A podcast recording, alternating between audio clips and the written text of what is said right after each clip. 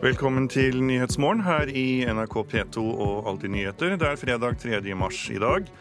Og hos oss skal du bl.a. få høre mer om at det er langt tryggere å være bilist i Oslo-området enn andre steder i landet.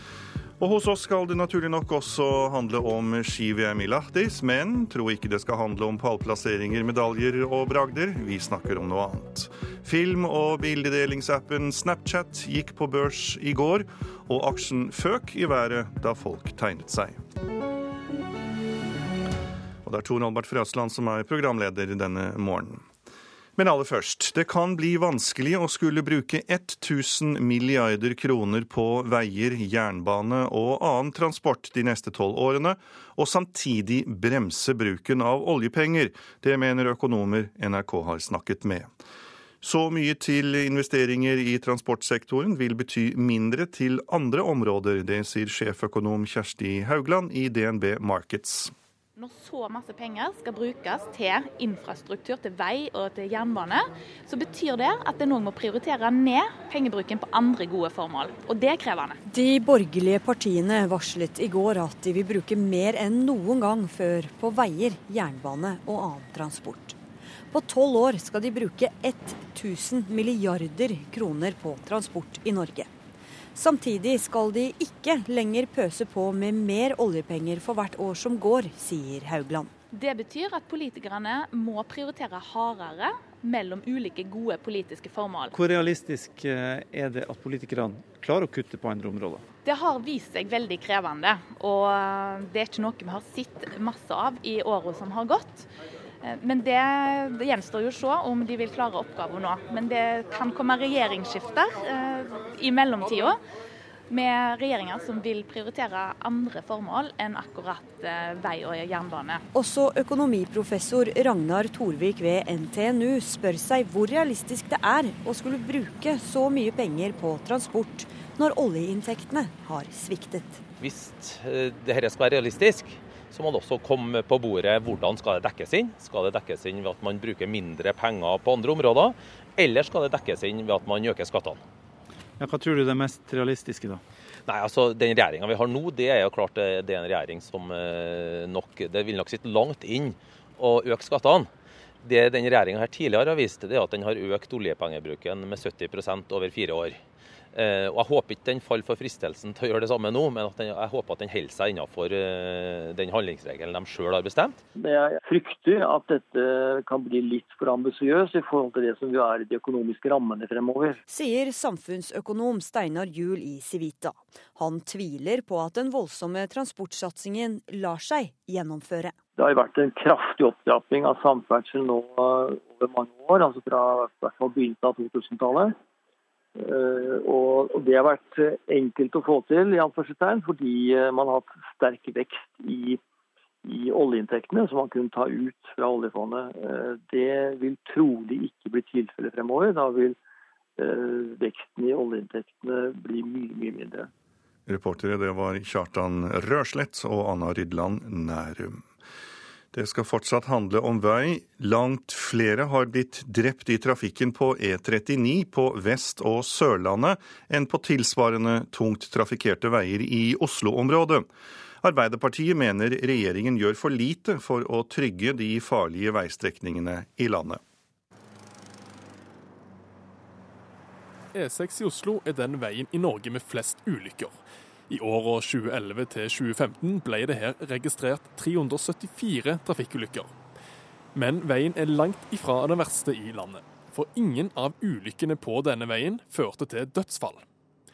Også på E18 og E6 i Akershus er det få dødsfall tatt i betraktning trafikkmengden. Nyheter fra NRK Sørlandet. Men drar vi vestover, endrer ting seg. Politiet kan ikke gjøre mer for å redusere faren for ulykker på E39 ved Sira i Flekkefjord, der to personer omkom i en møteulykke mandag. E39 i Rogaland og Vest-Agder hadde til sammen litt flere ulykker enn E6 i Oslo i femårsperioden. Men hele 20 av disse var dødsulykker det er ganske store variasjoner rundt om i landet. Sier Guro Ranes, avdelingsdirektør for trafikksikkerhet i Veidirektoratet. Hun vet godt grunnen til at flere blir drept på hovedveiene på Vestlandet enn på Østlandet, nemlig mangelen på midtdelere. Tallene som NRK har henta inn, viser at 11 av de 20 dødsulykkene på E39 i Rogaland og Vest-Agder i perioden 2011 til 2015 var møteulykker. Det syns jeg er kjempealvorlig. Sier Torstein Tvedt Solberg, stortingsrepresentant for Arbeiderpartiet. Det har i flere år vært planlagt firefelts motorvei på den ulykkesbelasta strekningen på E39 fra Sandnes til Kristiansand. Tvedt Solberg mener regjeringen har gjort altfor lite for å realisere planene. De har nedprioritert Vestlandet. Vi ser nå at E39 sørover over et år forsinka bare i planprosessen. Samferdselsminister Ketil Solvik-Olsen sa i går at veiselskapet Nye Veier skal klare å bygge fire felt på strekningen innen 2030. Stortingsrepresentant Roy Steffensen fra Fremskrittspartiet mener dette viser at regjeringen prioriterer E39. Det er en suksesshistorie som kunne, med, med opprette et veiselskap som kun Frp var for i sin tid. Reporter her, det var Rolf Christian Toppdal. Og jeg har fått besøk av Bjørn Myklebust, for om en drøy time, kvart på åtte, så er det Politisk kvarter med mer trafikk, der du inviterer gjester til å snakke om tidenes togsatsing. Intet mindre. Det handlet om eh, store ord og store penger i går da de borgerlige partiene la fram tidenes togsatsing. Eh, det er en ren bløff, mener Heikki Holmås fra SV. Store ord, det også. Han møter Venstres Ola Elvestuen om en times tid. Hos eh, Bjørn Myklebust i Politisk kvarter. Men vi skal til eh, ski-VM i Finland, der det har vært flere nordmenn på pallen, senest i går. Men hos oss skal det ikke handle om pallplasseringer. skiløper.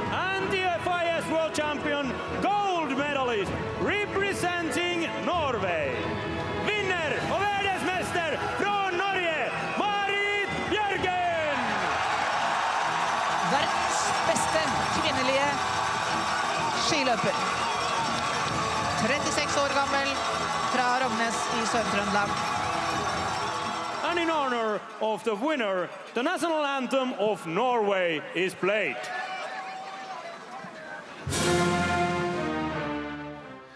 Dette er til å gråte av. Det mener forfatter og foredragsholder Tove Steinbo.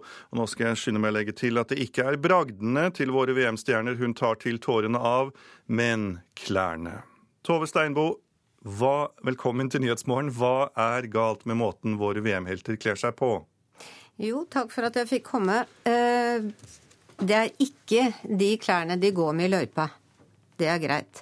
Men når de står på pallen i sort, som jo egentlig i vår kultur har vært sorgens farge gjennom flere generasjoner, da blir jeg trist. Det ødelegger imaget til denne fantastiske merkevaren som er våre skiløpere i Norge. Farger er naturens sterkeste signalsystem. Hvilke signaler sender da svart ut? Ja, det sender eh, signaler om sort og tristhet, og i hvert fall gjorde det det før. Men mote og trend ødelegger så mye for oss når det gjelder også farge.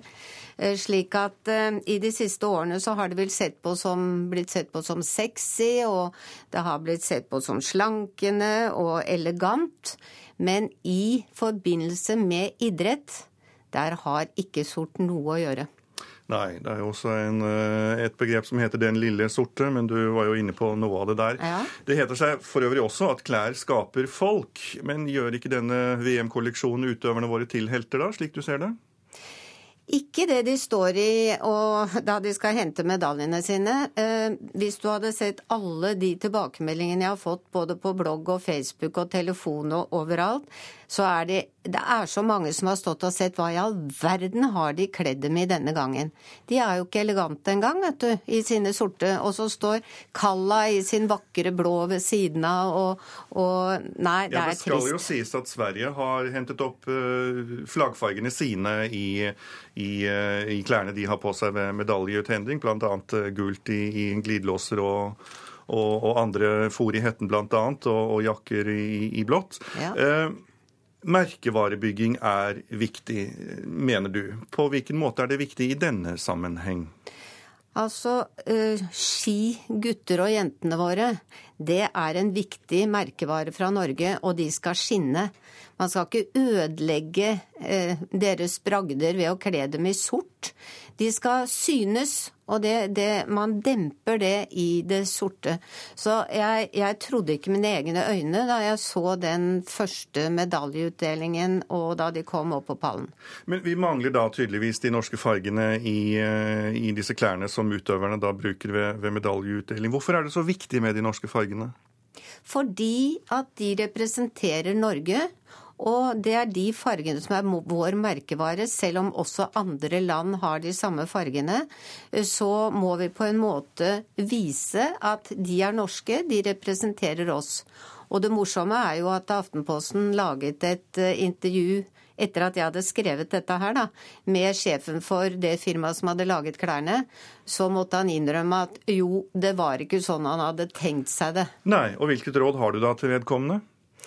Jeg har det rådet til vedkommende at kanskje han burde snakke med noen som har greie på farger. Kanskje han burde ta en telefon til meg. Jeg har holdt på med dette i 25 år, så jeg skal gjerne gi han noen råd. Det har jeg gjort til mange andre. Det er godt, Tove Steinbo. Du er både forfatter og foredragsholder, og har jobbet med farge og fargeuttrykk i da 25 år, som du sier. Tusen takk for at du kom til oss i Nyhetsmorgen. Bare hyggelig. Vi skal, eh, eller Det skal fortsatt eh, handle om eh, ski-VM, for gullvinnerne på kvinnestafetten i går er ikke helt overbeviste om at de norske mennene tar gull på VM-stafetten i ski-VM i dag.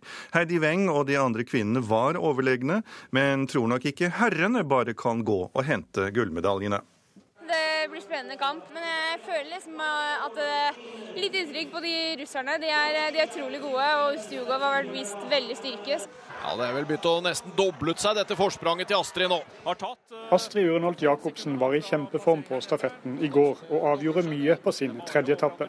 Hun er heller ikke så sikker på om mennene kan gå helt til topps. Da er det flere ting som må klaffe i så fall, inkludert skiene. I dag hadde vi jo fulltraff på utstyr, og det, det, tror jeg kan være med på å gi den siste ekstra selvtilliten som, uh, som alltid er god å ha med seg inn i en stafett. Så til de litt mer optimistiske. Maiken Caspersen Falla og Marit Bjørgen. Det er bare å gratulere de norske jentene med gull! Sistnevnte som gikk i mål for Norge mer enn ett minutt foran Sverige på andreplass i går. Eh, jeg er ikke så god på å spå, men eh, historisk sett så skal Norge ha bra sjanser. og Ser vi på laginnsatsen som har vært, eh, vært i dette VM-et på, på guttesida, så, så, har den vært utrolig bra. Vi har vel hatt det sterkeste guttelaget så langt. da. Mangler den gullmedaljen, og jeg tror bare det gjør de ekstra skjerpa så krysset burde jeg har ha for, ha for gutta. De, eh, de er i siget nå. Nei, Jeg tror det går veldig bra, men det er klart eh, det er en stafett. og Det skal gås kun 10 km, og her gjelder at alle fire skal dagen sin. Så, men eh, de er sterke nok til å vinne. Hvis guttene har gått gode skirenn og, og ikke hatt noe uhell underveis, og alt, alt, har stemt for dem, og det er noen som er bedre enn dette laget her, så, så må vi bare ta av oss lua og gratulere. Det sa landslagstrener Tor Arne Hetland. Reporter var Geir Elle. Du hører på Nyhetsmorgen i NRK P2 Alltid nyheter. Klokken den har passert 6.46, og dette er hovedsakene våre i dag. Økonomer tror det blir vanskelig å bruke så mye penger på veier og jernbane, og samtidig bremse bruken av oljepenger. Og det er langt tryggere å være bilist i Oslo-området enn andre steder i landet. Er du opptatt av miljøet, men driver med pensjonssparing? Pensjonssparingen din er nemlig ditt største klimagassutslipp. Sparingen er nemlig investert i energiselskaper og forurensende industri rundt om i verden. Det får du straks høre mer om. Nordlandsforskning skal undersøke om lokalpolitikerne faktisk hørte på folket i arbeidet med kommunesammenslåingene. Det var folkeavstemninger mange steder før politikerne gjorde vedtak, men prosessen har vært omstridt. Det sier prosjektleder Arild Gjertsen. Vi er blitt utsatt for en del kritikk. da. For det første så har jo oppslutninga om en del av disse avstemningene vært ganske lav. Og det har jo gått kritikk på at man har eh, blitt stilt overfor alternativer som er ganske komplekse. Folk over hele landet har det siste året deltatt på folkemøter, avstemninger og innbyggerundersøkelser, men ikke alltid har resultatet blitt som flertallet har ønska. Senest i forrige uke ble det kjent at Bindal skal tvangssammenslåes med tre trøndelagskommuner, noe mange har reagert på. Det er så godt demokrati i Norge, men det kaller for demokrati det der, Det er ikke det. Nei, det er en sånn snev av kommunisme. det er jo det. tvinge noen sammen som hele tida har sagt at vi vil bestå som egen kommune, og vi vil høre til Nordland fylke.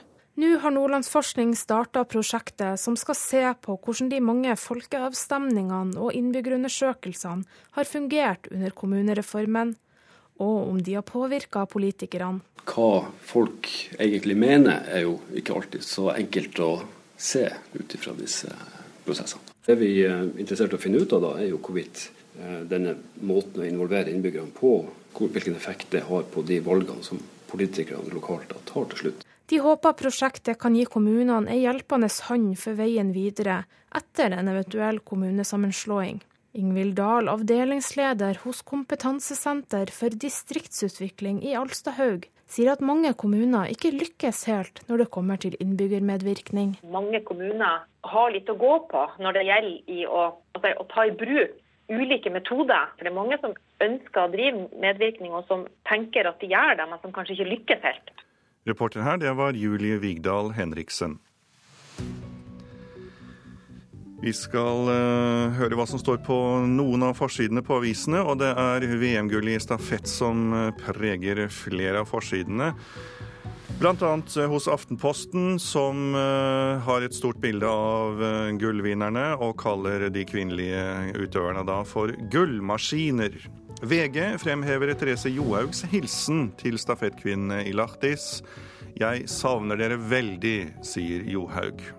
Skipresidenten står klar til å slå kloa i Marit Bjørgen når hun legger opp. Erik Røste er klar for å få Bjørgen inn i Skiforbundet, skriver Adresseavisen.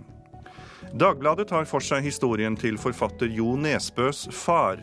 Nesbøs SS-pappa unnslapp døden, er overskriften, og den sikter til russiske soldater som drepte soldatkameratene av SS-soldaten Per Nesbø, mens Nesbø sov under dyna på østfronten. Statkraft har varslet både Økokrim og regjeringen om risiko for korrupsjon i et av deres selskaper i Brasil, skriver Dagens Næringsliv. Dagsavisen tar for seg en dom i Stavanger tingrett. Jusprofessor Hans Fredrik Martinussen mener retten legitimerer partnervold når den bruker begrepet 'berettiget harme' om domfelte. SV vil slåss mot Ap, skriver Klassekampen. Andreas C. Halse kan bli ny partisekretær i SV, og han vil øke støtten til partiet blant LO-medlemmene. Da pastor i Messiaskirken, Torkil Masvi, skulle vaksinere barna sine, kunne ikke det skje i Norge. For her til lands er enkelte vaksiner dyrket frem på en cellelinje fra et abortert foster. Det mener pastoren ikke er etisk forsvarlig, og fikk sine barn etisk vaksinert i Japan.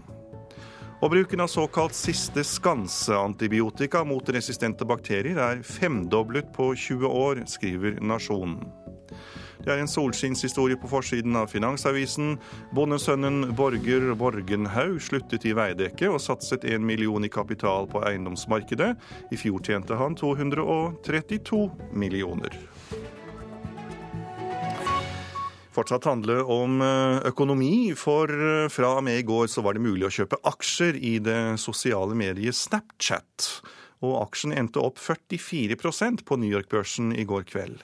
Snapchat har flere enn 160 millioner daglige brukere, og børsnoteringen er den største i USA på tre år. Likevel var ikke ungdommer i Oslo i går kveld sikre på om det er lurt å bruke penger på Snapchat-aksjer. Hva er favoritt sosiale medier-appen deres? Snapchat. Snapchat. Snapchat. Snapchat. Snapchat. Snapchat. Snapchat. Facebook. Å, oh, en facebooker. Hvorfor ikke Snapchat, som alle de andre? Jeg vet ikke. Ville dere kjøpt aksjer i Snapchat? Nei, jeg tror det er kjørt. Det er ikke like mange som bruker Snapchat nå som før. Det har på en måte hatt så stor stigning, så det må jo på en måte gå nedover, tenker jeg. Og så er det jo de, Alle sosiale medier hermer jo etter hverandre. Så til slutt så vil det vanskelig å bli originale når alle har det samme. For Instagram har kanskje tatt noe av Snapchat allerede? Ja. Ja, ja det er jo Facebook òg. Ville du satt pengene dine på Snapchat, alle, opp, alle sparepengene dine? Nei, det hadde jeg ikke gjort. Med mindre de finner opp en helt ny idé å bruke Snapchat på, så hadde jeg ikke satt pengene på det. Intervjuer det var eh, Petter Sommer. Fått besøk av kollega Sindre Heyerdahl. Snapchat steg altså 44 eh, på første børsdag, som da var i går. Hvilke forventninger har markedet til selskapet nå?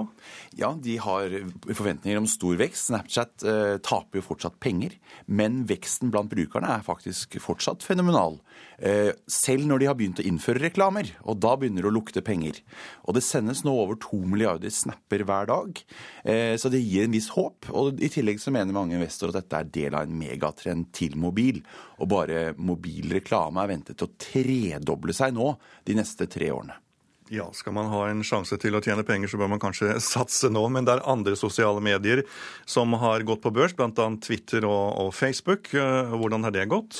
Ja, Facebook eh, fikk en ganske dårlig børsintroduksjon, og aksjen falt i ukene etterpå. Men siden har det jo blitt en formidabel pengemaskin, og aksjen har virkelig lagt på seg. Eh, De har også lyktes med overgangen til mobil, som man, som man da Snapchat er så gode på. Twitter på den annen side hadde en kjempebra introduksjon på børsen steg 70% med en gang, eh, men har blitt en flopp og sliter med brukere, og det er virkelig ikke blitt en folkelig eh, mobilapp. Nei, Det sies jo også det hva, hva, Twitter angår, at det er det sosiale mediet de aller fleste logger seg av nå for tiden.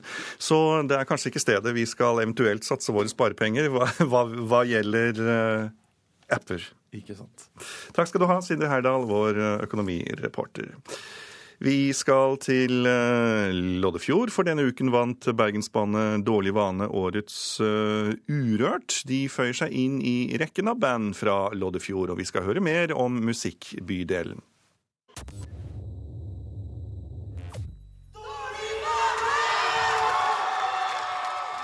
Denne uken vant bandet Dårlig vane årets Urørt. Og de føyer seg inn i rekken av flere band som kommer fra bergensbydelen Loddefjord. Loddefjord har jo eh, nærmest blitt et eget begrep i, eh, i norsk musikk. Det sier Kjetil Ullebø, musikkansvarlig i Bergens Tidende. I løpet av de siste ti årene har Loddefjord virkelig blitt kjent som musikkbydelen. Og derfra har det kommet mye musikk fra f.eks. Fjorden Baby og Jon Olav Nilsen og gjengen. Altså Loddefjord før uh, Jon Olav Nilsen-gjengen og Fjorden Baby og alle disse bandene, så hadde jo Loddefjord et ganske negativt image. Mens disse bandene var jo med på å skape noe, noe som var positivt overfor bydelen. Altså, De har jo hatt en, eh, en, ungdomsklubb der ute som heter Elvetun. Men, men, en ting som mange av musikerne der ute har trukket frem, er faktisk noe så, noe så, enkelt som en veldig god musikklærer. De har jo fortalt om hvordan de fikk lov å øve i, i store friminuttene.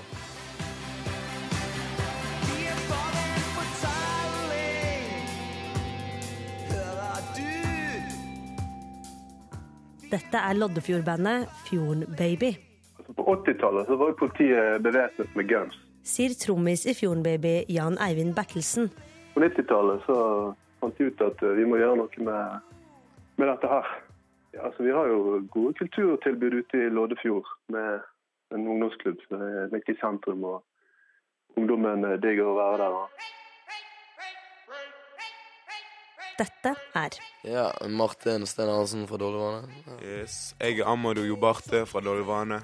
Og de er noen av dem som har benyttet seg av kulturtilbudet til unge i bydelen. Så er det det kulturhuset nede i ja, nede i Loddefjord som heter alle ja, det har blitt, liksom blitt et lite hangout for alle nede i streeten der, liksom, istedenfor bare å gå rundt og ikke gjøre en dritt og bare ja, heller gjøre dumme ting. da. Det er jo der vi fikk begynne å spille inn låter gratis og liksom med hjelp fra fete folk. da. Og folk kunne lage beats hvis de ville. og Altså et sted vi kan utvikle oss på. da. Hvis man gir ungdom muligheter til å skape noe, så vil det jo kunne komme noe positivt ut av det. Så det verste som kan skje, er at de lager litt dårlig musikk. Det beste som kan skje, er jo at de faktisk skaper noe som blir veldig bra, og som setter en hel bydel på kartet. Reporter det var Mari Sand Malm.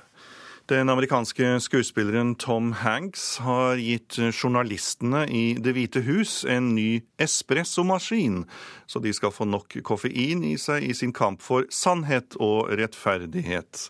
Gaven fra Hanks kommer midt i president Donald Trumps pågående konflikt med journalistene, som han ofte både fornærmer og beskylder for å være partiske. Det hører med til historien at Hanks også tidligere har gitt kaffemaskiner til pressekorpset i Det hvite hus. Nå dagens eh, værvarsel.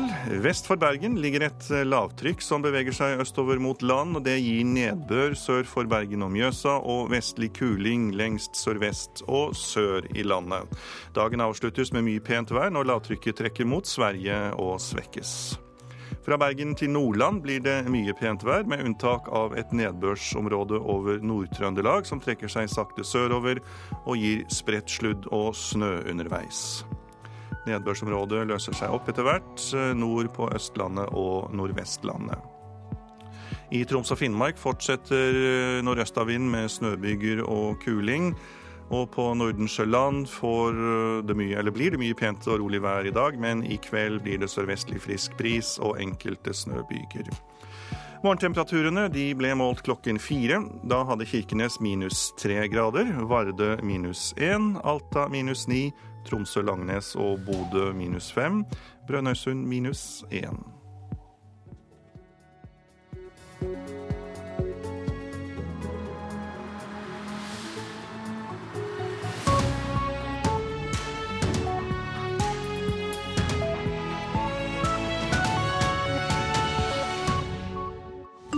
Med NRK Nyheter på mobilen har du oversikt over det som skjer i Norge og verden. Donald Trumps første 100 dager som president.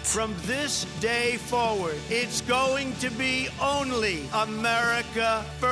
Følg Eirik Jensen-saken. Hvem er egentlig Eirik Jensen? Eirik Jensen har aldri vært skurk så lenge jeg har kjent den. Forskere mener at Zelandia bør bli regnet som et eget kontinent. Må vi tegne verdenskartet på nytt? Hva kan Aksel Lund Svindal lære oss om å overvinne frykt? Så lenge jeg um, gjør ting ordentlig og er litt tålmodig, så føler jeg ikke at jeg risikerer så mye. NRK Nyheter på mobil gir deg oversikt over det som skjer.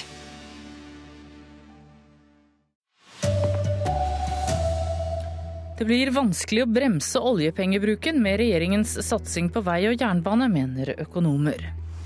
Og investorene har enorme forventninger til Snapchat etter at selskapet gikk på børs i går.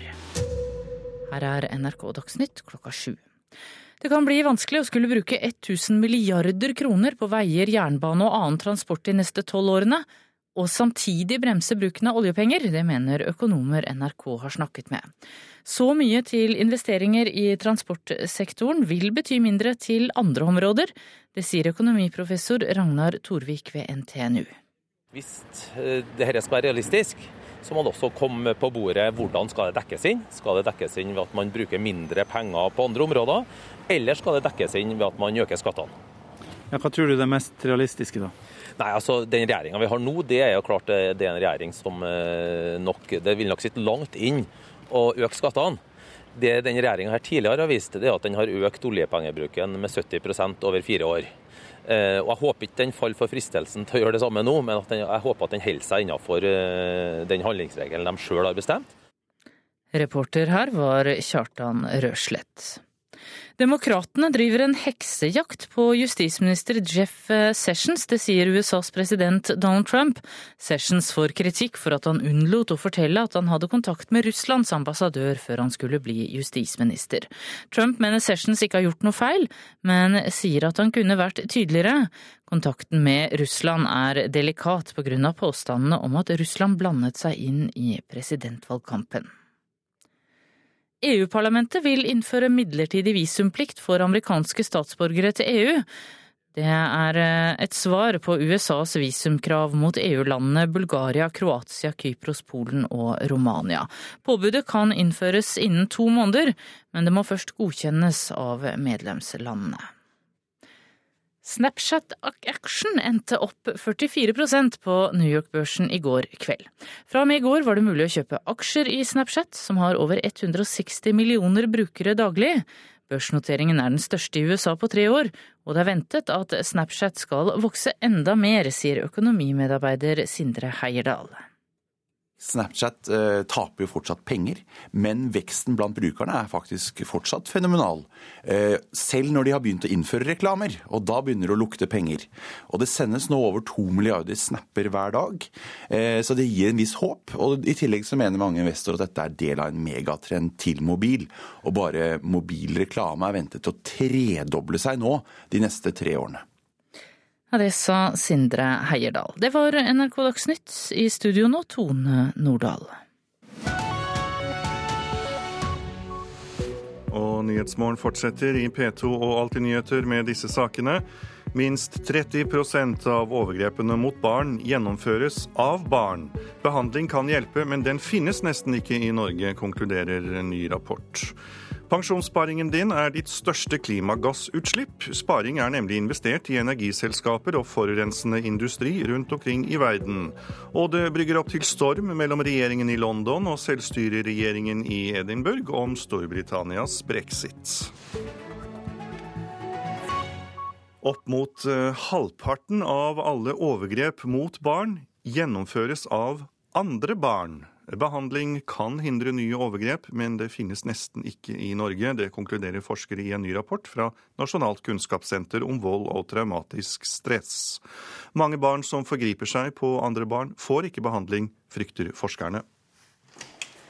Ja, sånn, sånn ser det ut her. Her er det altså to stoler Stol, en stol med et saueskinn i, som barn ofte sitter i. Det er litt sånn beroligende og deilig å ha noe å tukle med. Leder ved barnehuset i Oslo, Astrid Johanne Pettersen, i et av avhørsrommene der barn forteller om seksuelle overgrep.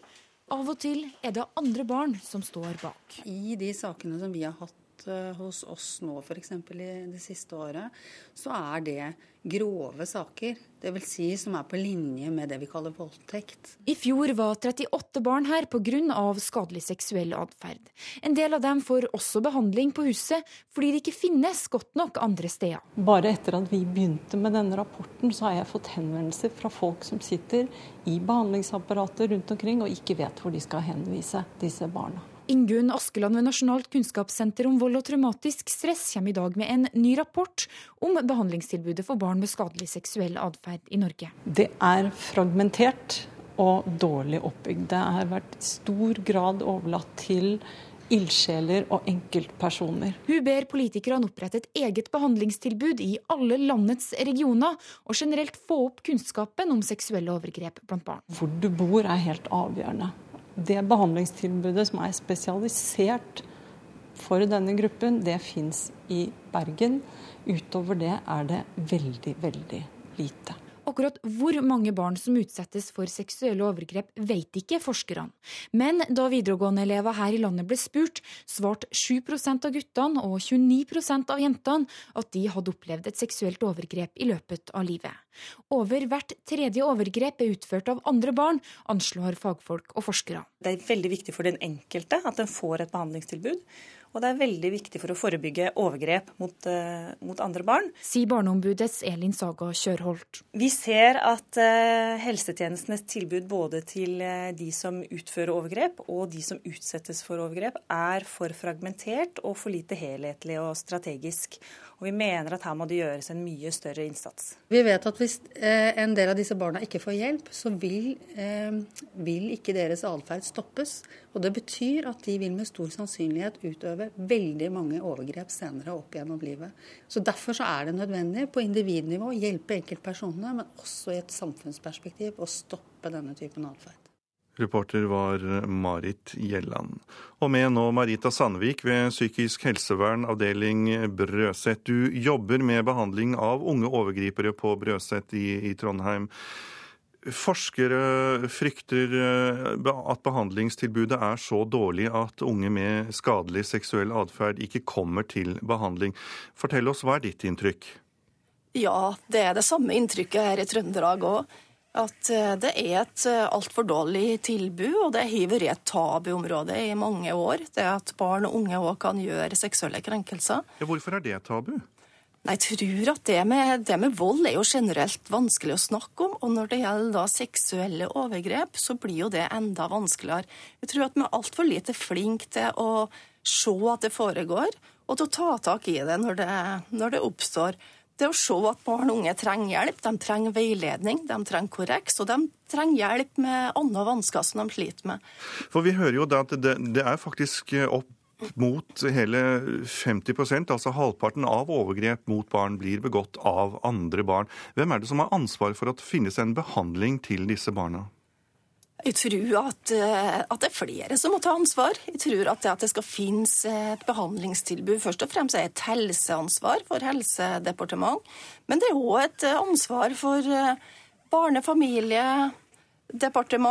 fordi at eh, veldig mange av disse barna sliter med flere ting. De kan leve under omsorgssvikt. De trenger trygge omsorgsbaser. De trenger trygge voksne. De trenger å mestre i livet sitt. De trenger godt skoletilbud. Og mangel på mestring kan da føre til slike overgrep som vi, vi snakker. Du jobber bl.a. med behandling av unge med skadelig seksuell atferd som er dømt til fengsel. Hvem er disse? Ja, jeg jobber jo litt med ungdom. Og jeg jobber i Trondheim fengsel. Nå er det jo sånn at en først og fremst prøver å unngå at eh, unge skal få fengselsstraff, og at det blir brukt annen type straffer, sånn som oppfølging av eh, konfliktråd, ungdomsoppfølging, ungdomsstraff. Og da er det sånn at hvis, eh, da kan vi bidra inn med samtalebehandling til ungdom som blir dømt. Ja, er det samtale som er behandlingen? Ja. I tillegg til Altså, vi prøver jo også all behandling må gå ut ifra en eh, kartlegging av risiko. Fordi at eh, Risikoen vil jo si noe som kreves av innsats. Hvis en tenker at det er lav risiko for gjentagelser, så tenker en at det kreves ikke noe sånn spesiell behandling. Men de som har en høy risiko for å gjenta, bør inn i noe mer spesialisert opplegg. Der de får hjelp for sine vansker og får, og får snakka om det de har gjort, for å finne risikofaktorer til at det kan skje igjen, og, og lage seg planer til at det ikke skal skje igjen. Fungerer det en slik behandling du beskriver? Ja, vi som driver med det, tenker jo det. Og, og forskning òg er jo mer eh, positiv til behandling av barn og unge enn det er til voksne. Og det tenker jeg er helt naturlig at det å komme tidlig inn er viktig for å snu destruktive mønstre. Kjempeviktig at vi kommer inn tidlig. Ja, nettopp det med å komme inn tidlig. Hva, hva, hva skal vi gjøre for å, å, oppdage slike ting? Vi tror at det trengs en eh, litt sånn basic kompetanse inn i forskjellige etater. Skole, barnehager. Eh, Eh, erfaringer fra Danmark sier at altså, den skadelige seksuelle atferden den, den, kommer i kjølvannet av at det har vært noen bekymringer rundt barnet og ungdommen i forhold til at det har vært noe bekymringsfull atferd tidligere. Jeg tror det er viktig å gripe inn tidlig. Tørs å se at det er en, en seksuell atferd som kanskje er litt avvikende, litt unormal, litt påfallende, sånn at en kan gripe inn tidlig og hjelpe barnet med veiledning, rettledning og korreks. Takk skal du ha, Marita Sandvik. Du jobber ved psykisk helsevern avdeling Brøset i Trondheim. Nå om pensjonssparingen din, for den er antageligvis ditt største klimautslipp. For sparingen er nemlig investert i energiselskaper og forurensende industri rundt omkring i verden. En gjennomsnittlig 50-åring slipper faktisk ut mer gjennom sin pensjonssparing enn på bilkjøring og flyturer til Bangkok, dette ifølge Storebrands beregninger. Kommunikasjonssjef Harald Martensholm forklarer. Folk er jo veldig opptatt av uh, maten de spiser, og hvordan de kommer seg fra et sted til et annet. Og hvor mye CO2 slipper man ut gjennom måten man lever på. Vi har regnet på hvor mye CO2 du slipper ut gjennom pensjonen din. Fordi pensjonen din den er investert i selskaper over hele verden som slipper ut CO2.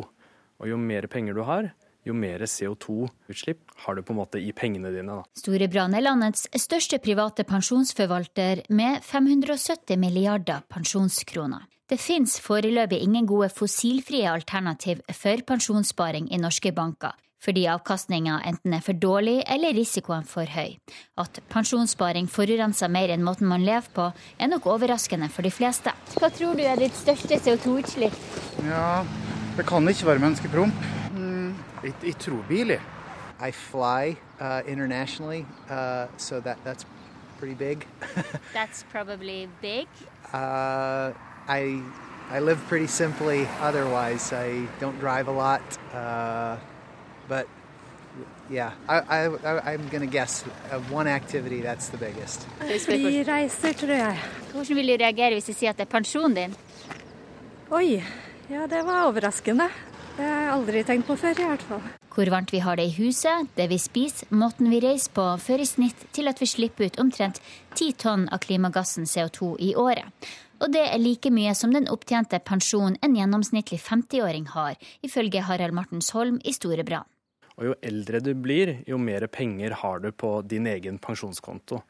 Eh, så når du er ca. 40 år, så slipper du ut ca. 6 tonn CO2 Sammenlignet så vil en flyreise fra Oslo til Thailand være ca. 2,5 tonn CO2. Så pensjonspengene dine blir ganske fort ditt største utslipp av, av CO2. Forklaringa er at når man begynner å jobbe, så starter pensjonssparinga gjennom arbeidsgiver, forteller kommunikasjonssjef for Bærekraft i Storebrand, Harald Martensholm. Hvis du er eh, ca. 50 år, så slipper du ut like mye CO2 gjennom pensjonssparingen din som måten du lever på. Som forbrukere har vi altså ikke så mange valg hvis vi vil spare til pensjon mer miljøvennlig, fordi vi er låst til avtalen arbeidsgiver har med pensjonsleverandøren. Men pga. at stadig flere ønsker mer bærekraftig sparing, og pga. press fra miljøbevegelsen, så har en rekke pensjonsleverandører begynt å se etter grønnere sparemåter. 40 år gamle Kai Hestad kommer med sykkel, og vi oppdager at han er mer miljøvennlig enn gjennomsnittet. Ikke bare fordi han som student sykler. For miljøet er det også en god nyhet at opptjente pensjonsmidler allerede er brukt opp. For jeg jobba en del år i Danmark. Eh, og når jeg flytta fra Danmark, så fikk jeg valget om jeg kunne liksom få utbetalt pensjonen jeg hadde opptjent der. Og derfor så har jeg brukt den opp. Så jeg har veldig lite pensjon. Miljøvennlig igjen! Reporter her, det var Linda Reineholtsen og Iselin Fjell. Klokken den er straks 7.15. Eh, det er Nyhetsmorgen du har radioen på. Dette er hovedsakene våre nå.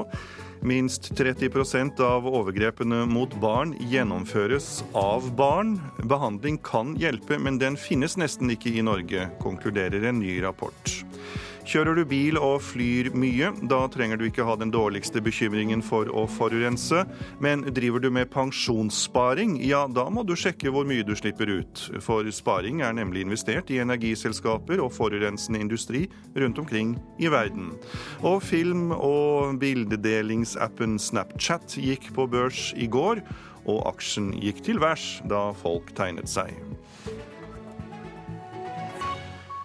Nå til Storbritannia, for statsminister Theresa May har gått til angrep på den skotske førsteministeren Nicola Sturgeon, og har beskyldt henne for å ha tunnelsyn når det gjelder skotsk uavhengighet. Den skotske lederen har truet med at hun vil avholde enda en folkeavstemning om uavhengighet for å sikre fortsatt skotsk medlemskap i EU. Storbritannia-korrespondent Espen Aas eh, med oss nå. Hvordan er forholdet mellom regjeringen i London og selvstyreregjeringen i Edinburgh? Ja, Edinburgh eh, og London har vel det vi kan kalle et mildt sagt eh, anstrengt eh, forhold etter at Theresa May eh, fortalte for en stund tilbake at hun ønsket en såkalt hard brexit for hele Storbritannia, altså et totalt brudd med EU. Eh, hun vil ikke høre noe snakk om, om å fortsatt være en del av EUs indre marked, men det vil skottene. De to har hatt eh, flere møter sammen, men tonen den er alt annet enn god. Og nå i dag så skal Theresa May holde en tale til det skotske konservative partiet. Og her kommer hun til eh, å lansere hard skyts mot eh, Sturgeon og hennes skotske nasjonalistparti. Men forut for den talen har Sturgeon sagt at May ikke har noe mandat i Skottland, og beskylder henne for å blande seg inn i skotsk politikk. Skottland eh, kan nok sikkert ha sin egen vilje, men Skottland er fortsatt en del av Storbritannia, og Theresa May er da Storbritannias eh, statsminister? Det er hun absolutt, men Nicholas Sturgeon er veldig opptatt av at hun er skottenes første minister. Men denne konstruksjonen til Storbritannia med fire land da, hvorav tre av dem har sine selvstyreregjeringer eller provinsregjeringer med selvråderett på mange politiske områder, gjør jo ting vanskelig. De fleste altså politiske områdene har selvstyreregjeringene i Nord-Irland, Wales og Skottland mye de skal ha sagt sitt om, sånn som helsepolitikk, skolepolitikk, en god del av skattepolitikken osv. Men utenrikspolitikk og sikkerhetspolitikk det er ting som regjeringen i London har hatt det ene ansvar for. Men i Skottland og Nord-Irland, hvor det var flertall for å bli værende i EU, har det blitt presset på for at de fortsatt skal kunne være EU-medlemmer, eller iallfall en del av EUs indre marked. Og særlig den skotske regjeringen presser på og har laget en 60 sider lang rapport der de har kommet med en rekke forslag på hvordan de fortsatt kan få være i EUs indre marked, selv om Storbritannia forsvinner ut. Kjenner du noe til frykten i Skottland for å da eventuelt stå utenfor EU? Det handler jo veldig mye om eh, økonomi, og de som jeg har eh, snakket eh, med der, har jo også vist til at Skottland har, har nytt økonomisk godt på veldig mange måter å være en del av EU gjennom forskjellige midler til landbruk, til veibygging osv. Men det som Nicholas Sturgeon ikke snakker så mye om, er jo bl.a. skotske fiskere, som ikke ikke er så begeistret for å være med i EU. Og det var jo på ingen måte 100 av skottene som stemte for fortsatt medlemskap av EU, slik det heller ikke er 100 av skottene som stiller seg bak det skotske nasjonalistpartiet til Niklas Sturgeon når det er valg der. Takk skal du ha, Storbritannia-korrespondent Espen Aas. Videre til Kina nå, for i Beijing så er gatene feid og uniformene er nystrøket, for nå i helgen starter den årlige folkekongressen dvs. Si Kinas årlige politiske festival, riktignok med en svært liten reell politisk makt. Og mens alle venter på statsminister Lis årstale på søndag, så har Kinas største kjendiser i dag inntatt folkets store hall. Med nå fra Beijing Asia-korrespondent Peter Svaar, du får fortelle oss hvem disse kjendisene er og hva de skal gjøre?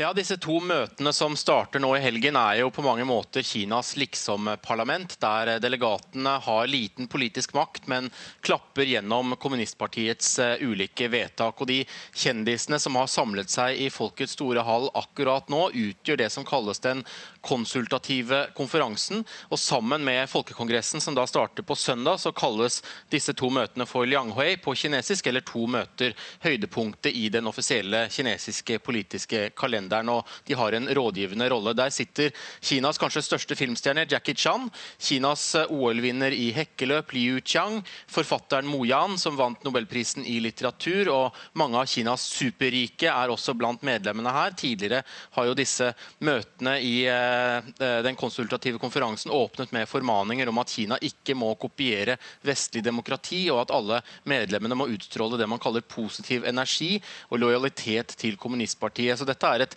diskusjonsforum, men trygt innenfor rammene og de røde strekene som på forhånd er trukket opp av kommunistpartiet. Dette er et viktig år for kommunistpartiet, som også har sin partikongress i september, og den skjer kun hvert femte år. Påvirker det også folkekongressen som går av stabelen nå de neste dagene, dette, denne partikongressen i september?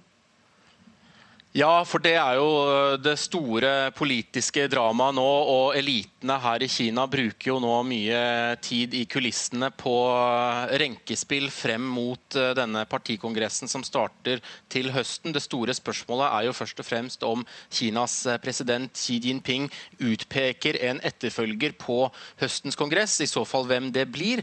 Og kremlologien fra sovjettiden lever jo i beste velgående fortsatt her i Beijing, så analytikerne vil de neste dagene se etter små tegn til hvem som blir forfremmet, hvem som blir plassert i ulike eh, organer og komiteer, helt ned til hvor folk sitter på podiet og i salen. Og Spørsmålet er jo også om Xi nå, midt i sin tiårige periode som leder, akter å gi stafettpinnen videre, eller om han har tenkt å bli værende etter modell fra Vladimir Putin. Xi er jo allerede beskrevet som den sterkeste kinesiske leder siden Mao. Han har kvittet seg med mange av sine politiske rivaler gjennom denne omfattende antikorrupsjonskampanjen kampanjen. Så folkekongressen nå blir jo på mange måter en oppvarming til høstens eh, store drama. En ting er nasjonal eller intern, om du vil, politikk. En annen ting er eh, utenrikspolitikken og Kinas forhold til, til andre land. Så tenker da spesielt på USA, for Donald, Trump brukte mye av valgkampen sin på å kritisere nettopp Kina. Frykter nå kineserne en ny bølge av proteksjonisme, eksempelvis i USA og her i Europa? Ja, det er klart at det vekker stor bekymring her. Kina har jo de siste 40 årene bygget sin velstand nettopp på eksport. og Hele den kinesiske modellen kan jo trues dersom eh, verden nå går inn i, eh, i, handelsbarrierer og eksporten fra Kina bremser kraftig opp. Foreløpig har det jo vært mye røyk og lite ild fra Trump-administrasjonen. Han skulle jo f.eks. stemple Kina som valutamanipulator på sin første dag i Det hvite hus. Det skjedde aldri. og Foreløpig har vi heller ikke hørt mer snakk om denne denne straffetollen som fikk så mye oppmerksomhet i valgkampen. Men det er signaler nå om at USA ikke vil respektere de såkalte konfliktmekanismene i Verdens handelsorganisasjon. Det er altså måten eh, WHO kan, eh, nei, unnskyld, WTO kan avgjøre uh, ulike strids, strider mellom land når det gjelder toll.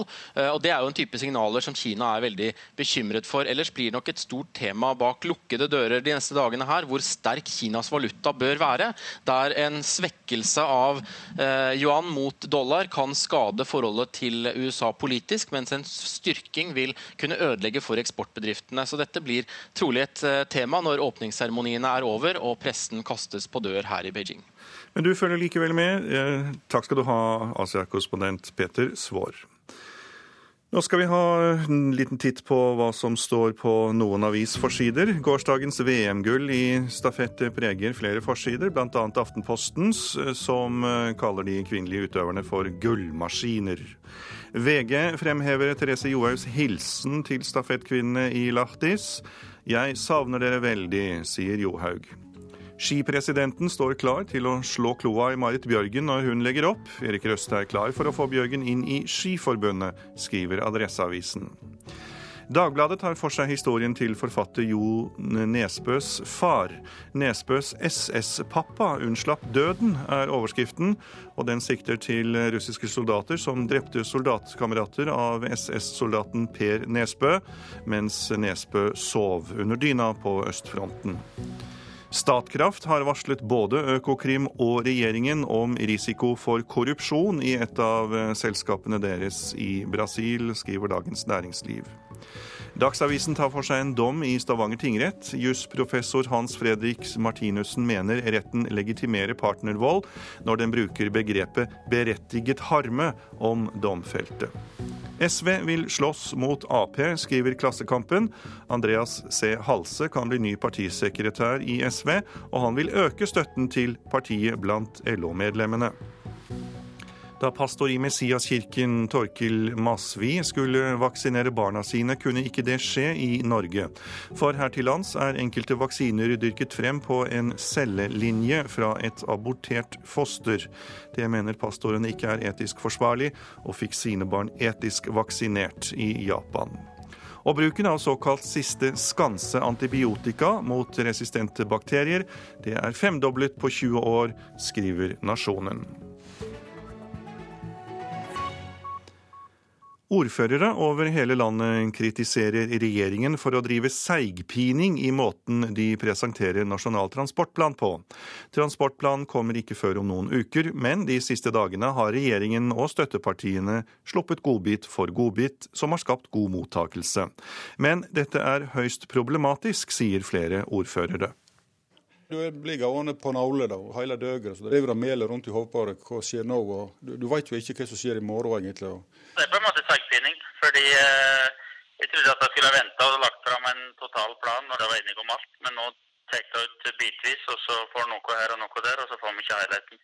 Olav Tørvold i Vik og Vidar Eltun i Vang er bare to av mange ordførere i landet som går i heilspenn om dagen, fordi de lurer på om nettopp deres vei er med i Nasjonal transportplan. Men hver dag denne veka har de sett regjeringa servere godbitene fra transportplanen i fylke etter fylke. Ny flyplass i Bodø i Nordland, penger til E8 i Troms, milliarddryss til veier i Hordaland og Møre og Romsdal, og i går lag statsminister Erna Solberg om pengene regjeringa vil bruke på jernbane. God morgen og velkommen hit til uh, Oslo S.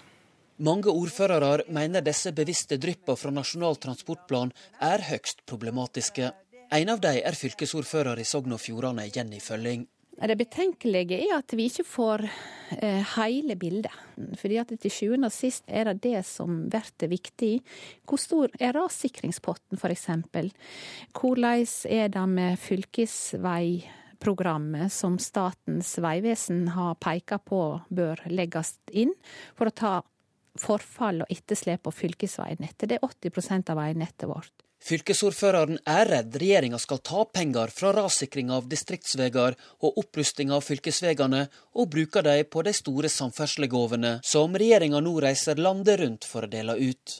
Selvsagt, dette her er jo en del av valgkampen, vi skjønner jo det. Sier Vang-ordfører Vidar Eltun i Oppland, som kjemper for å få fullført opprustinga av E16 over Filefjellet. Men eh, jeg syns det blir litt mest når du ikke får helheten i hele NTP-en, altså. Både finansiering og også selvsagt hvilke prosjekt som skal prioriteres. I Nasjonal transportplan, NTP, står det hva veier, flyplasser og jernbaner som skal bygges de neste tolv åra. Regjeringa er samt med Venstre og KrF om hovedtrekka, men til ordførerne som skylder regjeringa for seigpining, svarer samferdselsminister Ketil Solvik-Olsen fra Frp slik. Vi skal legge fram Nasjonal eh, transportplan før påske, men det er altså en eh, fantastisk stor satsing. Og når vi vet vi er blitt enige om noe, så tenker vi at da er det god tid å gå og fortelle folk sånn at en kan forberede folk på hva som kommer. I Vik har folket kjempa for en trygg tunnel gjennom det værutsette Vikafjellet i over 50 år. En tunnel vil korte ned reiseveien fra Sogn til Bergen og knyte en ny vestlandsregion tettere sammen. Ordfører Olav Tørvold forventer at Høyre, Frp og KrF holder det de lova i valgkampen i 2013, nemlig en rask byggestart. Og han er ikke den eneste ordføreren i landet som vil se heilskapen i transportplanen nå, og ikke bare planlagde regjeringslekkasjer. Jeg regner med at de har det akkurat på samme måten som jeg har det. Den er iallfall ikke bra for helsa. Reporter var Noralf Pedersen. Det er Nyhetsmorgen du har radioen din på. I reportasjen etter Dagsnytt kan du høre at FARC-geriljaen i Colombia skulle ha startet innleveringen av våpnene sine, men det skjedde ikke. Følg med, så får du vite hvorfor. Og i Politisk kvarter så debatteres tidenes togsatsing. Produsent for Nyhetsmorgen, Vidar Eidehammer. I studio, Tor Albert Frøsland. Med NRK Nyheter på mobilen har du oversikt over det som skjer i Norge og verden. Donald Trumps første 100 dager som president. Forward, Følg Eirik Jensen-saken. Hvem er egentlig Eirik Jensen? Eirik Jensen har aldri vært skurk så lenge jeg har kjent den. Forskere mener at Zelandia bør bli regnet som et eget kontinent. Må vi tegne verdenskartet på nytt?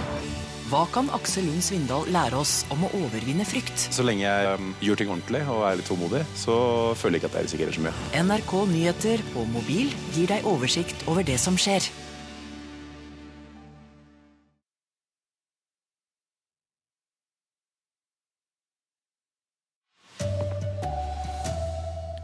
Mange overgrep mot barn begås av andre barn, men veldig få unge overgripere får behandling. Pensjons, pensjonssparing gir klimagassutslipp. Pengene investeres i forurensende industri. Og det norske laget håper de slipper å stå igjen som sølvgutter etter dagens stafett i ski-VM. God morgen. Her er NRK Dagsnytt klokka 7.30. Ja, mellom 30 og 50% av alle overgrep mot barn begås av andre barn. Behandling kan hindre nye overgrep, men slik behandling finnes nesten ikke i Norge. Det er konklusjonen i en ny rapport fra Nasjonalt kunnskapssenter om vold og traumatisk stress. Ja, sånn, sånn ser det ut her. Her er det altså to stoler. Stol, en stol med et saueskinn i, som barn ofte sitter i. Det er sånn beroligende og deilig å ha noe å tukle med. Leder ved barnehuset i Oslo, Astrid Johanne Pettersen, i et av avhørsrommene der barn forteller om seksuelle overgrep. Av og til er det andre barn som står bak. I de sakene som vi har hatt eh, hos oss nå f.eks. i det siste året, så er det grove saker. Dvs. Si som er på linje med det vi kaller voldtekt. I fjor var 38 barn her pga. skadelig seksuell atferd. En del av dem får også behandling på huset fordi det ikke finnes godt nok andre steder. Bare etter at vi begynte med denne rapporten, så har jeg fått henvendelser fra folk som sitter i behandlingsapparatet rundt omkring og ikke vet hvor de skal henvise disse barna. Ingunn Askeland ved Nasjonalt kunnskapssenter om vold og traumatisk stress kommer i dag med en ny rapport om behandlingstilbudet for barn med skadelig seksuell atferd i Norge. Det er fragmentert og dårlig oppbygd. Det har vært stor grad overlatt til ildsjeler og enkeltpersoner. Hun ber politikerne opprette et eget behandlingstilbud i alle landets regioner, og generelt få opp kunnskapen om seksuelle overgrep blant barn. Hvor du bor er helt avgjørende det behandlingstilbudet som er spesialisert for denne gruppen, det fins i Bergen. Utover det er det veldig, veldig lite. Akkurat hvor mange barn som utsettes for seksuelle overgrep, vet ikke forskerne. Men da videregående-elever her i landet ble spurt, svarte 7% av guttene og 29% av jentene at de hadde opplevd et seksuelt overgrep i løpet av livet. Over hvert tredje overgrep er utført av andre barn, anslår fagfolk og forskere. Det er veldig viktig for den enkelte at den får et behandlingstilbud.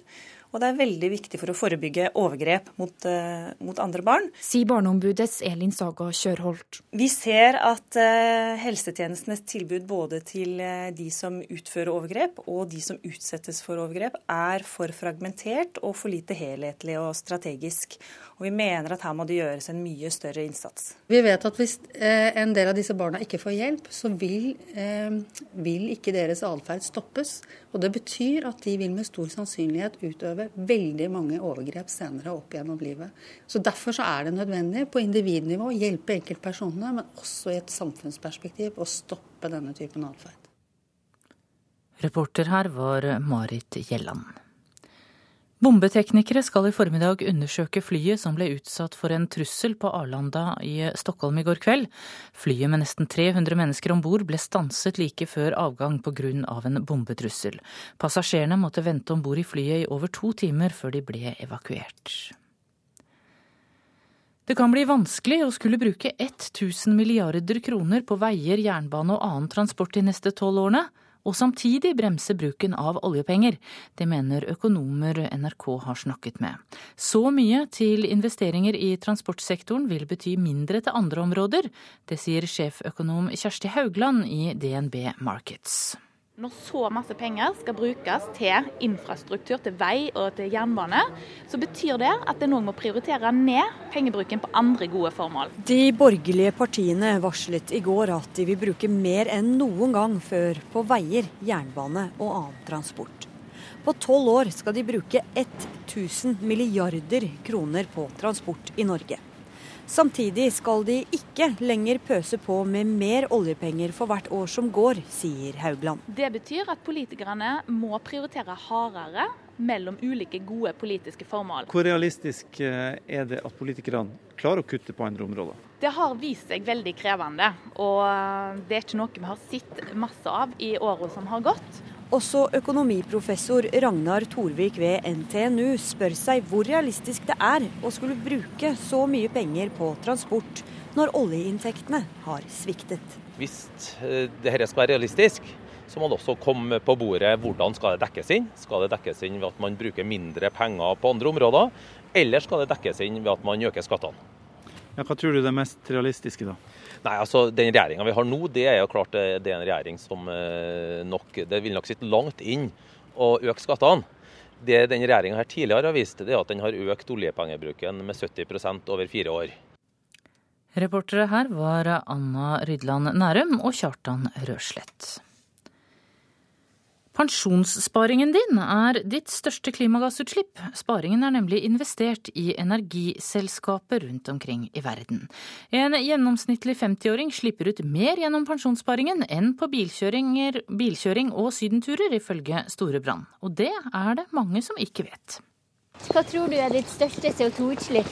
Ja, det kan ikke være menneskepromp. Mm, jeg, jeg tror bil, jeg. I fly uh, internationally, uh, so that, that's reiser. Flyreiser, tror jeg. Hvordan vil du reagere hvis jeg sier at det er pensjonen din? Oi, ja det var overraskende. Det har jeg aldri tenkt på før, i hvert fall. Hvor varmt vi har det i huset, det vi spiser, måten vi reiser på, fører i snitt til at vi slipper ut omtrent 10 tonn av klimagassen CO2 i året. Og det er like mye som den opptjente pensjonen en gjennomsnittlig 50-åring har, ifølge Harald Martensholm i Storebrand. Vi har regnet på hvor mye CO2 du slipper ut gjennom pensjonen din.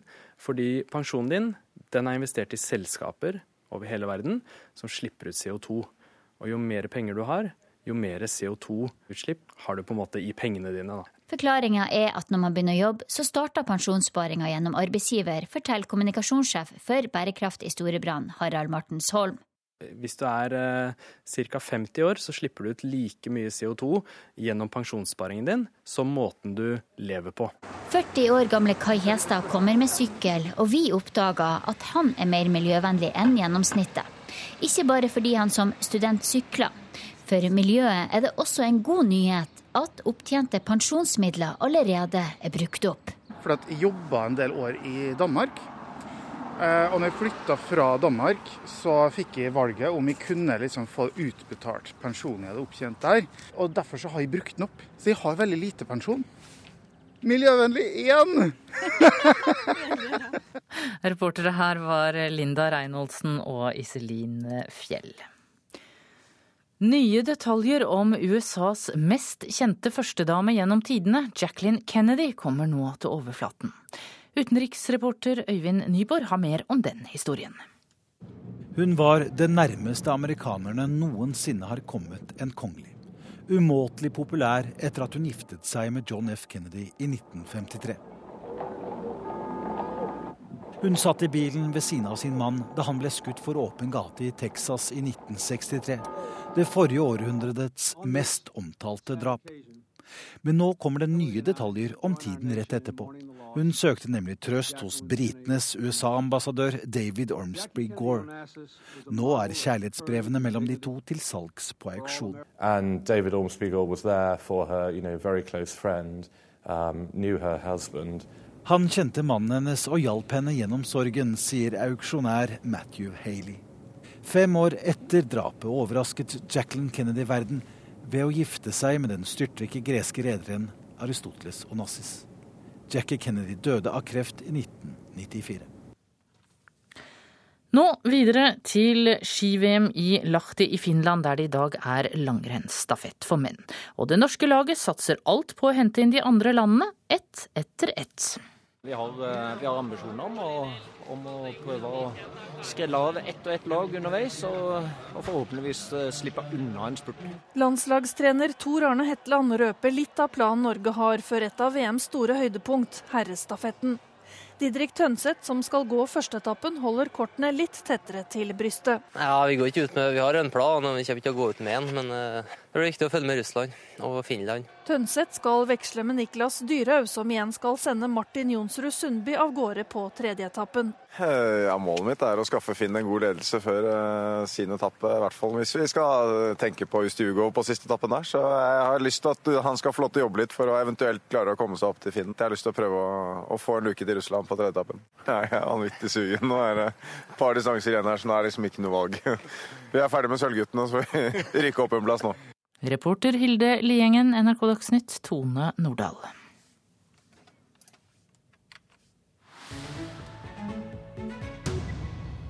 Og her i Nyhetsmorgen så skal vi til Sør-Amerika. For onsdag denne uken så skulle FARC-geriljaen i Colombia ha startet innleveringen av våpnene sine.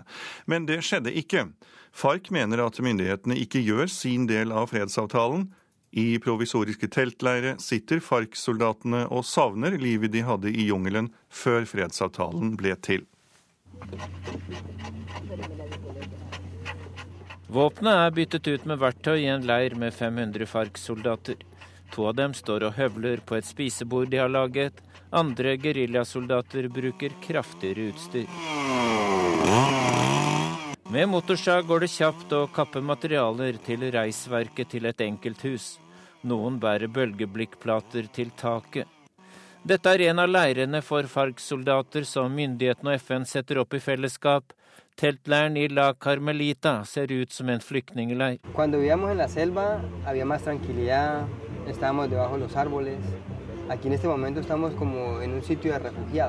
Da vi bodde i jungelen, hadde vi det bedre, forteller George Tavarish.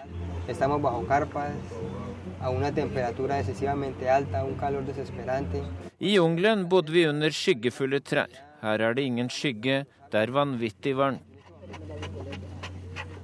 Selv om det er verktøy FARC-soldatene her håndterer, så har de ikke våpnene sine langt unna. En ung kvinnelig soldat i militærgrønn feltbukse og brun T-skjorte sitter og pusser på våpenet sitt.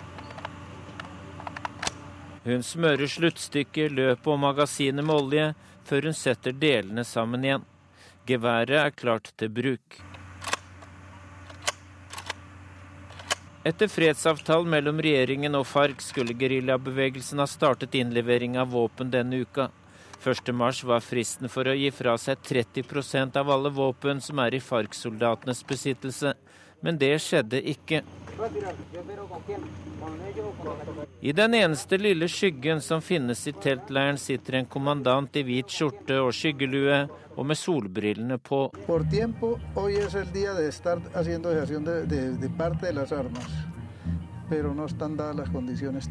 Det er riktig at vi skulle ha startet innlevering av våpen, men vi må vente litt. Det sier Martin Corena til Associated Press. Han forklarer.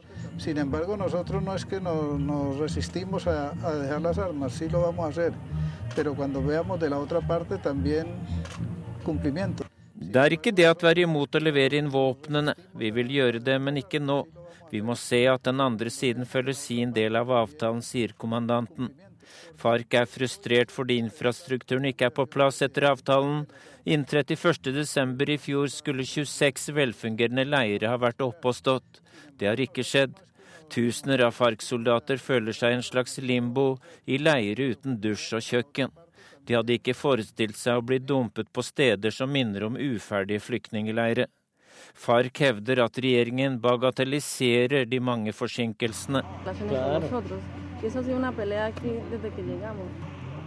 I Colombia er det stadig flere som frykter at FARC-soldater er så frustrerte at de deserterer og velger å slutte seg til andre grupper som ikke omfattes av fredsavtalen.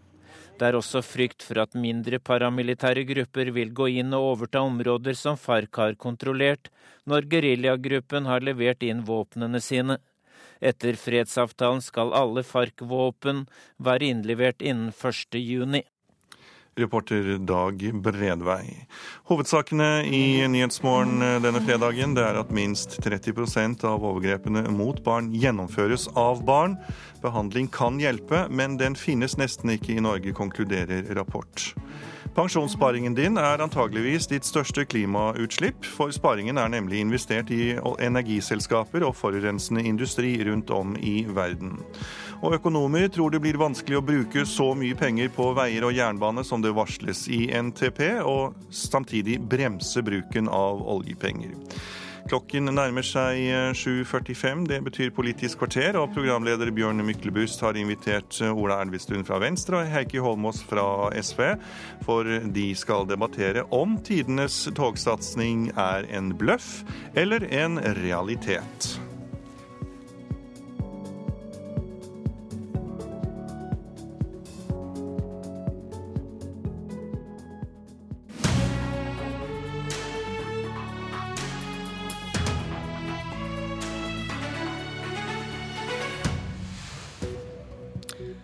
Tidenes togsatsing, sier Venstre. En bløff, sier SV. Dette er bare en utsettelse av ting som allerede er planlagt. Store ord og store penger. Dere må bestemme dere for hvem dere tror på. Velkommen til Politisk kvarter, Ola Elvestuen, nestleder i Venstre. Jo, takk. I går la de fire borgerlige partiene fram tidenes togsatsing, og du skal snart få høre hvorfor SV ikke, ikke tror på dere. Men hvis jeg begynner med å tro på at dere har fått til tidenes togsatsing, og jeg begynner med å tro på at dere i tillegg har fått til tidenes grønneste statsbudsjett, sammen med Fremskrittspartiet, hvordan skal du få meg til å tro på at Venstre ikke vil fortsette samarbeidet med Frp hvis regjeringen blir sittende etter valget?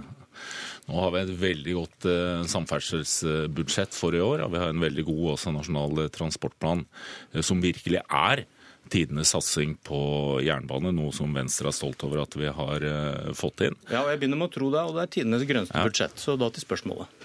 Nei, Det vi ønsker å få til etter valget, er selvfølgelig at vi skal fortsatt ha en, eh, et borgerlig flertall. Så er det klart at Venstre ønsker en eh, regjering med Høyre, Kristelig Folkeparti og Venstre. En blå-grønn regjering. Det er det landet trenger, og det er det vi nok kommer til å lande på når vi har eh, landsmøte nå. Men Jeg, Venstre jeg, jeg, jeg tror på dere at dere helst vil i regjering med Høyre da uten Frp, men så skal dere ha et landsstyremøte i helgen eh, hvor dere trolig lander på at Venstre ikke vil fortsette samarbeid i dag. Og det er da det begynner å skurre, hvis jeg skal tro på dere. At dere fikk til tidenes grønneste budsjett og tidenes togsatsing ved å støtte den regjeringen. Ja, Nå er det Venstre som klarer å få til dette, og vi ønsker fortsatt å ha en borgerlig flertall til høsten, der Venstre har en eh, sterk posisjon. Og vi følger opp den både samarbeidsavtalen og de enighetene som vi har eh, nå. Men da er- og det er en linje som ligger der eh, Ja, forover. men da er det og så skal landsmøtet forts- gjøre sitt vedtak når det gjelder posisjonering, og det tas så om en eh, måned. La meg spørre deg på en annen måte. da. Er det ikke naturlig etter at dere har fått til dette her, at dere i det minste garanterer for en borgerlig regjering hvis det blir et borgerlig flertall? Det er klart Når vi skal ha en blå-grønn regjering, for å få det til, så må du ha et borgerlig flertall. Ja, men Du skjønte at det ikke var det jeg spurte om? Ja, men du også må si at når vi skal få til en blå-grønn regjering, så er det det som er målsettingen. Eh, Og da må du ikke begynne med alternativene. Det er selvfølgelig for å få til det. Da må du ha et borgerlig flertall og fortsette det samarbeidet som vi nå er inne i. Både for å gjennomføre den togsatsingen som ligger i dette, denne nasjonale transportplanen, og videreføre også den eh, både klimasatsingen og den miljøsatsingen som ligger i budsjettet for i år framover. Du vet det er det som skjer vet du, når dere kommer draende med urealistiske planer som eh, denne Plan A. Hvis jeg, hvis jeg nå velger å tvile da, på det dere hevder i går, og det dere hevdet om budsjettet, så kan det virke som Venstre prøver seg på tidenes dobbeltkommunikasjon. Vi har fått til tidenes togsatsing, tidenes grønne budsjett med Frp, og nå vil vi ikke samarbeide med For det første er det helt uenig at det er noe urealistisk å ha en blå-grønn regjering. Tvert imot så er det da fullt mulig med et flertall for borgerlig side å se for seg en, borgerlig- en blå-grønn regjering. Det er, da nett, det er jo en Da sier du at Erna Solberg ljuger, for hun vil ikke kaste Frp ut av regjering. Jeg sier det at vi skal gjennomføre en valgkamp, og så er det tyngdepunktene på borgerlig side som selvfølgelig kommer til å være avgjørende for hvordan vi skal komme videre. For Venstre så handler dette om å gjøre et godt valg, synliggjøre og bygge videre på det vi har fått til i denne perioden, som handler om en gedigen satsing på klimatiltak, virkelig et skifte i tempo fra forrige regjering, en gedigen satsing på kollektivtrafikk. Det gjelder i de store byene, det gjelder overfor eh, jernbane, og forsterke den posisjonen også fra en regjeringsposisjon der vi mener at det riktige for landet handler om å ha en blå-grønn regjering. Ok, Vi skal lytte til hva dere sier om Frp i helgen. Du, Full intercityutbygging med dobbeltspor mellom Oslo, Skien, Halden og Lillehammer. Eh, Et kjempeløft. Før valget i 2013, husker du når Venstre mente det skulle stå ferdig, hvis det ble nytt flertall? Da mente man at det skulle være på midten av 20-tallet. Eh, Nå handler dette med de planlegging, den planlegging som skjer, så er det tidligst mulig å få det til noe over eh, 2030. 2034. Nei, 2032 er det mulig å få dette på plass. Til Halden 2034, er det ikke Nei, det? er det 2034. Lillehammer 2034. Det er mulig å få det på plass til 2032 til Skien. Når det Hvorfor er dere den- fornøyd med det når dere sa 2025, nesten ti år før, før forrige valg? Fordi dette er store, tunge utbygginger som krever mye planlegging. Når det gjelder den, den delen som går til Fredrikstad, som går til Tønsberg, som går til Hamar Men skjønte dere hold- ikke det for fire år siden, da? Nei, da holder vi de tidsplanene som er, og så holder vi trykket på å få inn også det som er den da, en ytre intercity. En plan som må være klar over når, når transportetatene la frem sin plan, så var den tatt ut. I tillegg, for å få til effekten av å bygge intercity, så ligger det nå inne også med finansiering for å få på plass Oslotunnelen. Og en Oslotunnel som kommer ut av transportplanene for Oslo-Navet, som er helt avgjørende for å få opp kapasiteten i dette systemet, og også gi en tilleggskapasitet på de andre jernbanestrekningene inn på Østlandet, enten det er til Gjøvik, det, det er til Kongsvinger eller de andre stedene. Dette er en forsterkning av den satsingen som var for fire år siden, okay. i tillegg til at også Ringeriksbanen ligger inne med en finansiering. Så dette er definitivt å løfte ambisjonsnivået og dra dette framover også i vi forhold til hele Østlandet. Vi har en her som betviler om det er det. Heikki Holmås fra SV, velkommen. Takk skal du ha. Eh, det har vært interessant å følge deg på Twitter denne uken, mens de borgerlige slapp den ene godbiten etter den andre fra Nasjonal transportplan. Du skrev alle som har vært med på Nasjonal transportplan før, vet at det som ligger lenger frem i tid enn de neste fire årene, ikke er fast fisk. Og det er helt utrolig at Erna Solberg selger ut samferdselsprosjekter som sikre, selv om de ikke skal bygges de neste fire årene. Da SV satt i regjering for fire år siden og la fram forrige transportplan, sa din partileder Ringeriksbanen er tilbake på sporet, vi skal utrede trasé og så komme i gang med byggingen i siste del av planperioden. Dere skrøt av noe som skulle bygges i slutten av en tiårsperiode. Dere også. Kronargumentet ditt mot Ola Elvestuen i dag. Ja, men Det vi gjorde med Ringeriksbanen, var å sette i gang planleggingen. Og det vi så når vi satte i gang planleggingen, var jo at det var mulig å få det i gang allerede fra 2019. Og det er jo litt kron, av poenget mitt. Kronargumentet ditt var at man skal ikke stå og skryte av ting som er mer enn fire år fram. Så gjorde dere akkurat det samme for fire år siden. Nei, men Den vesentlige forskjellen er følgende på det vi la frem, og det eh, Ola Elvestuen og Venstre nå har vært med på å legge frem. Og det er at de har rigget landet for store klimagassutslipp med den transportplanen de legger frem. Men nå snakker de du deg store... vekk fra poenget. Nei, for, nei, nei, nei, for poenget er følgende. Det er at de store motorveiutbyggingene kommer i løpet av de neste fire årene. Mens mange av de gryteklare prosjektene som lå på jernbanesiden, de er skjøvet fra denne transportperioden og ut til etter neste stortingsvalg i 2021. Så da er er... Er det greit å skryte av jernbaneprosjekter som er mer enn fire år fram, da, i motsetning til det du kjeftet på Erna for nå i løpet av uka? Du må gjerne gjøre det, men du må jo se på totalpakken som ligger, i, eh, ligger, på bordet. Og totalpakken som ligger på bordet nå, er at vi hadde et Ringeriksprosjekt, en Ringeriksbane mellom Oslo og Hønefoss, som er kjempeviktig for Oslo-området og for å redusere trafikken, men like viktig for Bergensbanen. Den sto klar til å bli bygget i 2019. Den er skjøvet nå ut, og kan ikke Venstre garantere at det blir satt spaden i jorden før 2021. Dere visste heller ikke om dere skulle styre lenger enn fire år. Så står dere og skryter av noe som kommer kommer sju år fram i, inn i framtida. Akkurat det du kritiserer Ola Elvestuen for nå. Nei, det jeg kritiserer Ola Elvestuen for, er følgende. De neste fire årene settes det ikke i gang de nye jernbaneprosjektene som vi hadde forventet, men de er skjøvet på til seinere, selv om prosjektene er klare. La meg ta Ringeriksbanen nevnte som et eksempel. La meg ta ett eksempel til. Arna-Voss. Kjempeviktig for dobbeltspor utrolig viktig for å sikre den eh, jernbanesatsingen som er mellom Oslo og Bergen, og korte ned reisetiden. Ikke minst viktig fordi at det er på en veldig rasutsatt eh, strekning. Mm. Den sto klar til å bli bygget i 2020-2021. Den er av finansielle grunner skjøvet til etter 2024. Fordi de har ikke penger å bruke på jernbane. Og det tredje punktet, som er ytre intercity, der de altså eh, tar hele den, eh, den eh, jernbanesatsingen ut til Halden, til Skien og, og, og, til Lillehammer, som de altså var i harnisk over at eh, ikke, skulle være ferdig i 2030 for fire år siden, den har de nå skjøvet skjøvet til seinere. Poenget mitt er bare veldig enkelt. Grunnen til at de gjør det, er fordi de er med på motorveiutbygging de neste fire årene. Og da er pengene bundet opp, og så skyver de jernbanene til seinere. Dette er bare tull. Og jeg har bygget mye kollektivtrafikk i min tid når jeg har drevet med politikk, særlig i Oslo. Enten det er T-banering Utsettelsene er det som er tull, Ola Elvestuen? Dette, er, dette, handler om og du vet like godt som meg å bygge tung infrastruktur som jernbane, det tar tid. Det krever eh, planlegging. Det vi har gjort i denne perioden, så har vi overoppfylt det som dere la inn i deres fireårsperiode. Det har vi overoppfylt med 10 milliarder kroner inn i det som er jernbanesatsingen nå. Og så må du ha planene på plass før du kan legge, dra i gang de store prosjektene videre. Det er ingenting med veiprosjektene som forsinker det som går, går der nå. Ringeriksbanen, ikke bare dere hadde dette inne som en plan, som du sier, det må videre planlegges. Det kan du nå komme i gang med i 2021, og du har en fullfinansiering inn i denne perioden. En fullfinansiering.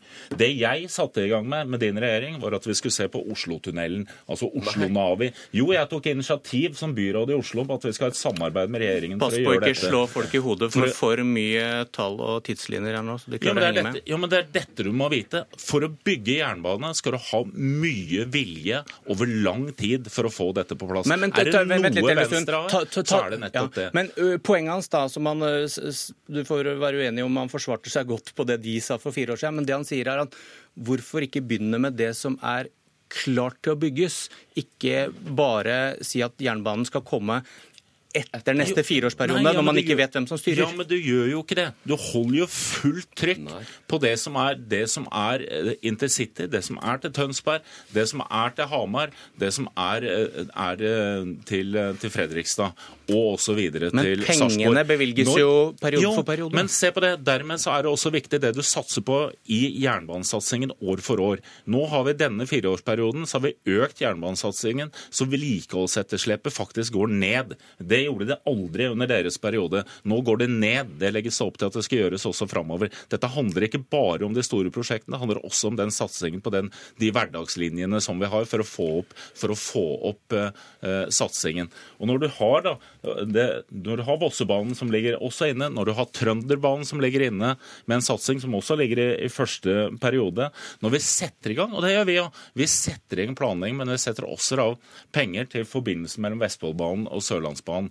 Det er viktig å få. Og så vet jeg at det kommer til å ta eh, også tid før du får satt spaden i jorda for å sette den i gang, men du må gå disse rundene for å få dette Og til det har vel tid. dere erfart også, Heikki Holmås? Jo, men Det Ola Elvestuen sier, er jo faktisk ikke sant. og Jeg vil oppfordre folk til å sjekke fakta knyttet opp mot det som handler om når prosjektene er klare.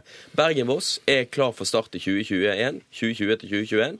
Den er skjøvet på til etter valg, neste eh, stortingsvalg i 2021.